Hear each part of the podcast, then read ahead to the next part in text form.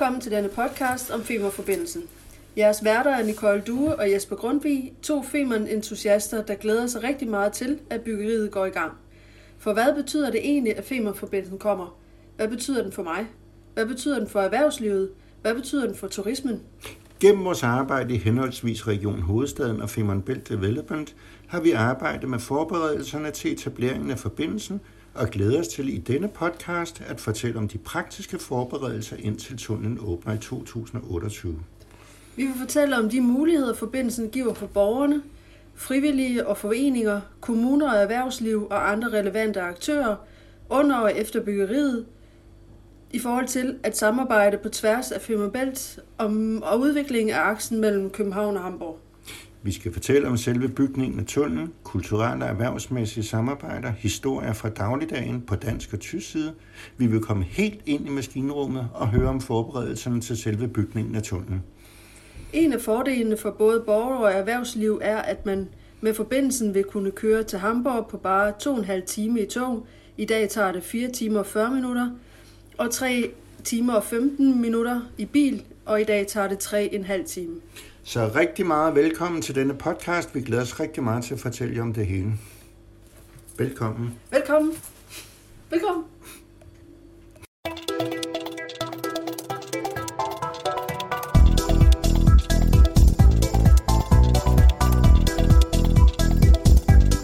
Goddag. I dag er vores gæst i denne podcast uh, Thomas Knudsen. Han er kommunaldirektør i Lolland Kommune. Og Lolland Kommune er jo netop den kommune, hvor Femern Bælt-forbindelsen kommer til at gå i land. Og det er dermed også myndighedskommune. I denne podcast er vi nysgerrige på at få et perspektiv på, hvilken betydning Femern-forbindelsen forventes at få for Lolland Kommune. Velkommen til. Det var tak. dejligt, du vil øh, være med den her gang. Hvilken rolle har Lolland Kommune i forbindelse med etableringen af Femern-forbindelsen, og hvordan har kommunen forberedt sig?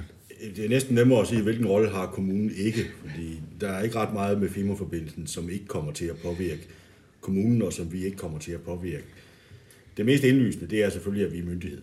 Vi har, øh, skal give en række godkendelser, alt der handler om støj, omkring bygninger, omkring en lang række andre forhold. Øhm, og dermed er vi jo både en del af processen, men vi har jo også en rolle som lokal vagthund i forhold til, øh, hvordan byggeriet især kommer til at påvirke øh, den nære lokalbefolkning, som, som jo skal lægge, øh, lægge jord til, til det her kæmpe arbejde, øh, og sikre, at, at de også kommer henskinnet igennem processen, både virksomheder og, og borgere. Det vi er mest optaget af til hverdag, ud over myndighedsdelen, det er de vækst- og udviklingsperspektiver, som, øh, som forbindelsen har potentiale for, for at give.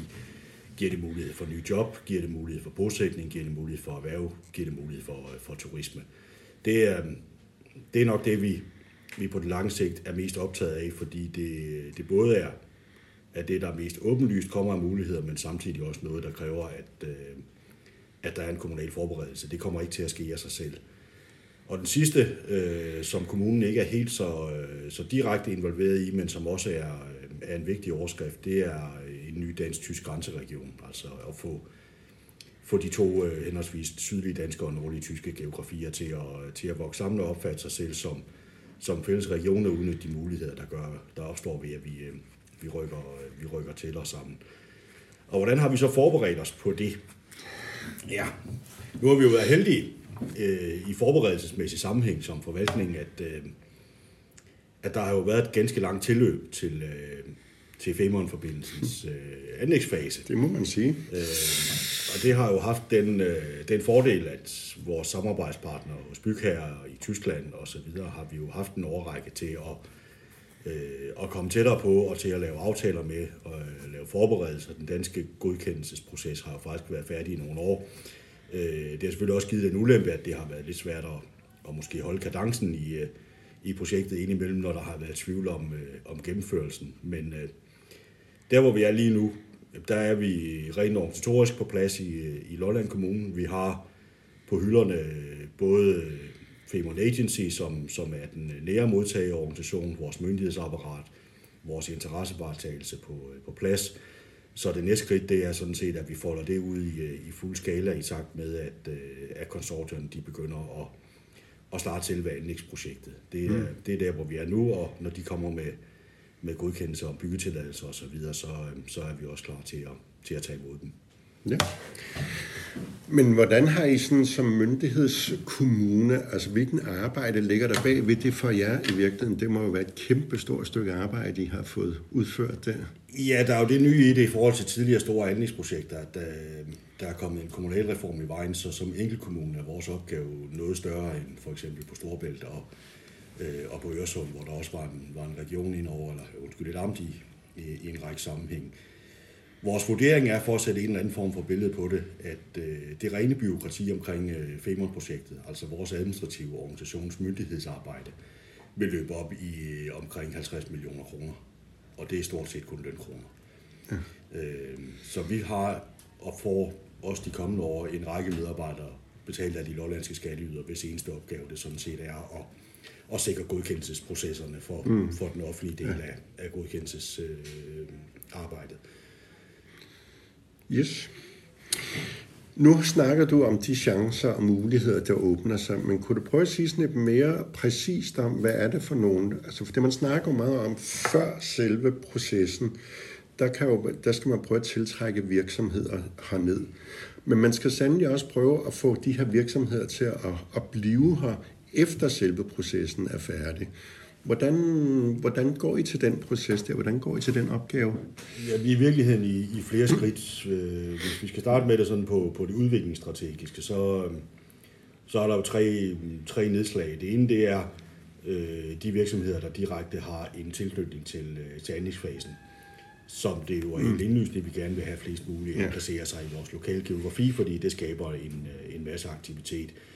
På siderne af det er projektet her så stort, så vi også ser et potentiale i, at nogle af de virksomheder, der kommer, kommer på grund af anlægsprojektet, øh, bliver ved anlægsprojektets afslutning, fordi de har lavet en række investeringer lokalt, der gør, mm. at det giver mening for dem at fortsætte deres normale aktivitet ja. i, i vores geografi. Så det er sådan det, der knytter sig direkte til det, der sker, inden dronningen klipper storen over. Ja. Og, øhm, og det, som vi i virkeligheden har størst fokus på, det er det, der sker efter indvielsen af forbindelsen, fordi det er jo den blivende effekt. Øhm, og der, øh, af de mest indlysende udviklingsopmærksomheder, øh, det er for det første det, som ændringen af geografien gør. Altså at vi går fra at være udkant i Danmark til at være midten af en, øh, en, en region, som, som dækker øh, Skandinavien og, og Nordtyskland. Det gør jo, at der, øh, der kommer en helt anden opmærksomhed og et helt andet øh, bevægelsesmønster i den geografi. Øhm, så bare det at komme til at ligge i midten, giver nogle mm. muligheder for virksomheder, for hvem det er relevant. Det næste er jo så, at øh, transportkorridoren også giver muligheder for at udvikle alle de typer af erhverv, som knytter sig til en transportkorridor. Mm. Øh, det har vi forberedt med, øh, med, med udlæg af erhvervsområder, som, som henvender sig til den type virksomheder. Det sidste, og måske lige så mest meget indlysende, det er, at jo er de nære gæster i form af 85 millioner tyskere får lettere ved at komme på ferie i Danmark. Mm. Og vi ligger jo meget bekvemt lige der for enden af, af tunnelen og kan tilbyde det, som rigtig mange tyske turister efterspørger, nemlig natur øh, og ikke mindst vand. Og det, det vil vi selvfølgelig også udnytte muligheden for, at de får meget lettere adgang til, til vores geografi. Mm. Så det er ligesom de tre hovedspor, vi bevæger os i. Og så er der altid et fjerde, når man er en, en geografi som, som vores, og det er de muligheder, der opstår, som vi ikke lige havde kunne forudse. Mm. Så vi har ikke en afgrænset strategi, der siger, at vi kun går efter bestemte virksomhedstyper. Vi har også åbningen for, at virksomhedstyper, som, som ser en mulighed hos os, som vi ikke lige havde fået øje på, jamen dem vil vi selvfølgelig også arbejde målrettet, når de er mm. identificeret mm. til også at, øh, at få dem til at etablere sig permanent i området. Men vores, vores primære fokus, 90% af vores opmærksomhed på den lange bane, den går sådan set på, hvad sker der efter indvielsen. Mm. Nu har man jo forskellige steder i Europa, har man jo mulighed for at øh, få inspiration til, hvordan man kan skrive den her øh, proces an, og man har også måske mulighed for at, ligesom at, at lære af de erfaringer, der er. Er der nogle steder fra, hvor I ligesom synes, at øh, er nogle erfaringer, som I kan tage med for eksempel fra Europatunnelen over i England, mellem England og Frankrig? Vi har, vi har besøgt flere af de store anlægsprojekter, og det, der adskiller vores fra de fleste andre store anlægsprojekter, det er, at mange af de andre anlægsprojekter forbinder øh, øh, metropoler. Øh, Malmø København er et meget oplagt eksempel på det. Der er en relativt stor mm. byfortætning, så det giver nogle andre vilkår. Øh, kanaltunnelen er måske der, hvor, hvor vi umiddelbart har kunne, kunne lære mest, og den er også god pædagogisk, fordi man både kan lære hvad man skal gøre, og også hvad man ikke skal gøre. Øh, mm. På den franske side var det især den lidt større by Lille, som havde glæde af, af, af den øh, forbindelse, fordi de arbejdede meget målrettet på at, at udnytte mulighederne, hvorimod den nære geografi øh, var, var mere forsigtig med at invitere projektet ind, øh, med det resultat, at mange af de investeringer, der blev gjort, skete uden for, for Calais. Så det har vi selvfølgelig taget til os, at, øh, at vores egen indsats kommer til at betyde rigtig meget for, mm. om det er os, der får gevinst af forbindelsen, eller det først og fremmest er, er metropolerne. Øh, det positive eksempel, det er jo så på den, på den engelske side, hvor øh, det lige så meget er infrastrukturen bagved tunnelen, som det er selve tunnelen, der er interessant. Og der får vi jo også med Femern-forbindelsen meget bedre togforbindelser mod, øh, mod København, hvad der åbner op for både kortere transporttid og mm. bedre, øh, en bedre, øh, mere effektiv transportkorridor. Og det har på ingen side i, i kanaltunnelen betydet, at det sydlige England er gået fra at være noget, der mindede om udkantsregionen, til at mm. være noget, der de facto er ved at være en, øh, en, en velhaverforstad til, øh, til London, fordi de er mm. kommet inden for en pendlingafstand, som gør det attraktivt for, for folk at i Sydengland og arbejde mm. i, i London. Øh, det potentiale ligger måske ikke mest lige for, men inden for rækkevidde i forhold til en transporttid på mellem time og 15 og halvanden time til, til både Hamburg ja. og København. Og det er jo vil sige, både objektivt og måske lige så vigtigt øh, psykologisk en kæmpe ændring i forhold til, hvordan geografien Lolland i dag opfattes. Mm. Måske især på, øh, ja. på den side. Ja. Absolut. Det er, jo, det, er jo, det er jo netop det, der er, altså det bliver det helt store springende punkt, det er at man pludselig skal gå fra at være sådan øh, et udkantsområde til at være totalt centrum. Det er vi jo allerede og har jo altid været i vores, øh, vores egen selvforståelse, ja. men øh, det gode ved et projekt, der er så stort som det her, det er, at det, det flytter jo både, øh, det flytter både objektivt, øh, men det flytter også opfattelser. Ja. Der er øh, pludselig mange andre virksomheder og, øh, og mennesker, som forholder sig til vores geografi, end der har været tidligere, som måske ser nogle muligheder. Alene det, at de begynder at, mm. at have det perspektiv på egen, skaber også øh, nogle andre vækstscenarier, end, øh, end den opfattelse, der på nuværende tidspunkt er i Lolland. Ja. Eller for den sags skyld øh, Femern og Nordtyskland. Ja. Nu sagde du jo selv i før, I var en del af sådan udkants Danmark som sådan, og til lige pludselig at blive et af Europas største infrastrukturprojekter, at blive et centrum for det. Hvordan takler I sådan en opgave i forhold til jeres borgere, og hvad, hvad vil det egentlig betyde for jeres borgere lige pludselig at blive sådan et centrum? Fordi man opfatter det også meget som sådan et sted, hvor folk ligesom sådan hviler i sig selv, og det er sådan det gode, stille og rolige liv, til at pludselig blive en enorm stor hektisk aktivitet hernede. Vi har fået de første trængselsproblemer på landvejen mellem Majbo og, og Nakskov på grund af, af det nye trafikanlæg, vi har lavet til, mm til, hvad hedder det, øh, til vores erhvervsudvikling. Det, det er jo en god skoling i at, at rykke tættere på, øh, på centrum. Øh, men det seriøse svar er jo i virkeligheden, at forandringen jo for, for Lolland er den mindste, fordi det her er jo i forvejen centrum i vores perspektiv. Mm. Så, så det er jo ikke et spørgsmål om, at, at vi rykker tættere på centrum, det er jo et spørgsmål om, at resten af verden rykker tættere på os i, i, vores, i vores optik. Så på den måde har den omstilling, oplever jeg egentlig ikke som, som store øh, for, øh, for lokalbefolkningen, eller for den sags skyld øh, kommunens mm. organisation. Vi har jo hele tiden som egen synes, at der var en masse muligheder, som resten af verden ikke har fået øje på. Mm. Så på den måde er det jo sådan set bare en gave, hvor, hvor resten af verden kommer tættere på at se vores geografi på samme måde, som vi selv ser den. Øh, og så er der jo også den forskel måske på, på Lolland, eller på Danmark og, øh, og på, på Nordtyskland, at, øh, at vores borgere og politikere igennem en efterhånden lang årrække har set Femern-forbindelsen mere som en mulighed end som et problem. Mm.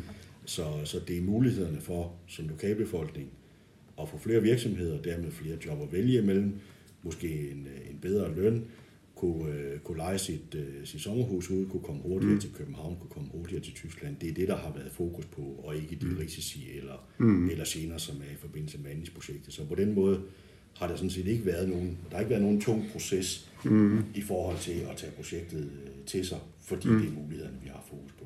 Mm. Det er jo et dejligt selvbevidst svar, som sådan I giver der. Jamen altså, Vi synes jo, øh, vi synes jo sådan set, at, at København har ligget beklageligt isoleret siden svenskerkrigene. Ja. Øhm, og, og det vil vi jo gerne hjælpe med også i den her sammenhæng og bringe dem lidt, lidt tættere på både os og Europa. Mm. Ja. I forbindelse med det her, der skal jo opbygges en helt ny Femern-Bælt-region. Man snakker jo om string-samarbejde, man har snakket om Europakorridoren, man snakker om Greater Copenhagen. Hvilken rolle har Lolland Kommune i hele det der store spil der, og, og hvilke andre aktører ser I som de vigtigste i forhold til at opbygge sådan en Femern-Bælt-region? Som, som organisation har vi trukket os en lille smule tilbage i forhold til den opgave, fordi der er der er mange andre, som, som også bidrager til, til det gode arbejde, hvorimod det nære omkring udvikling af vores geografi og omkring myndighedsarbejde, det ligger entydigt på Lolland, så det, det har vi prioriteret først. Øhm, så vi har valgt at lave det meste af arbejdet med vores tyske kollegaer via vores samarbejdspartnere. Mm. Vores væsentligste er Femern Belt Development, hvor kommunens borgmester Holger Skov Rasmussen så også er, er formand, så, så der har vi jo øh, også af den vej en, en tæt relation. Øh, de tager sig først og fremmest af øh, information og relationsopbygning med de nære geografier, øh, svarende til, til Sydsjælland i Danmark, øh, og vores kollegaer i, i nogle af den samme type geografi på tysk side. Så det, det, dem vil jeg fremhæve som, som vores vigtigste samarbejdspartner. Mm. Derudover har vi, som du nævner, øh, String og Greater Copenhagen, der for begge organisationers vedkommende primært har fokus på på den store infrastruktur, øh, både den, den, den fysiske og den, øh, og den mere uhåndgribelige. Dem har vi også et, øh, et tæt samarbejde med, og, og har egentlig en forhåbning om, at, øh, at de også er en del af at løfte den, øh, den bredere øh, regionsopbygning i, øh, i den nye geografi.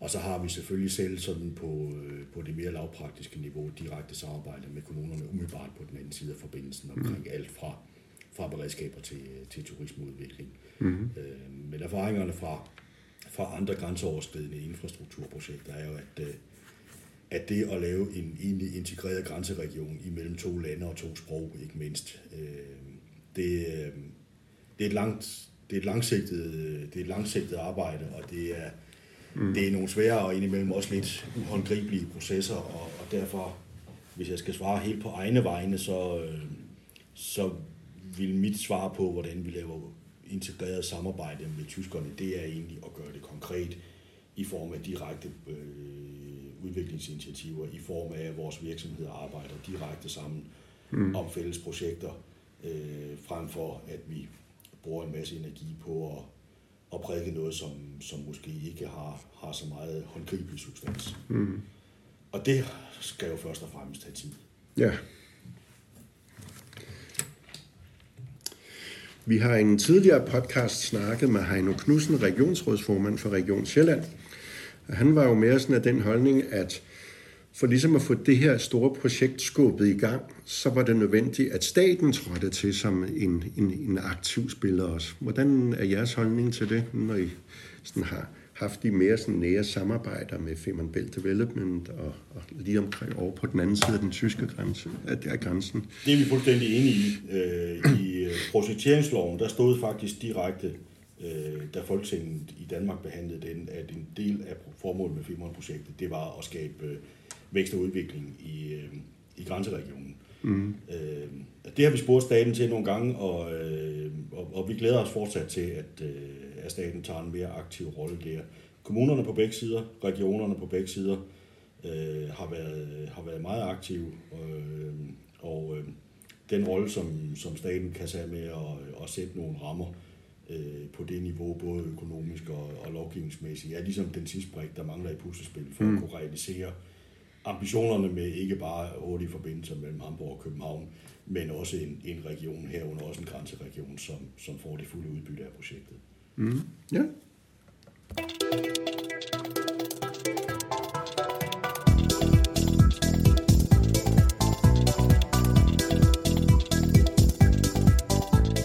Jamen, det var meget spændende at høre om, hvordan Lollands kommuneposition var til det her store projekt. Så vi vil meget gerne takke dig, Thomas, for at du gad være med i det her podcast denne her gang. Det var så lidt. Tak.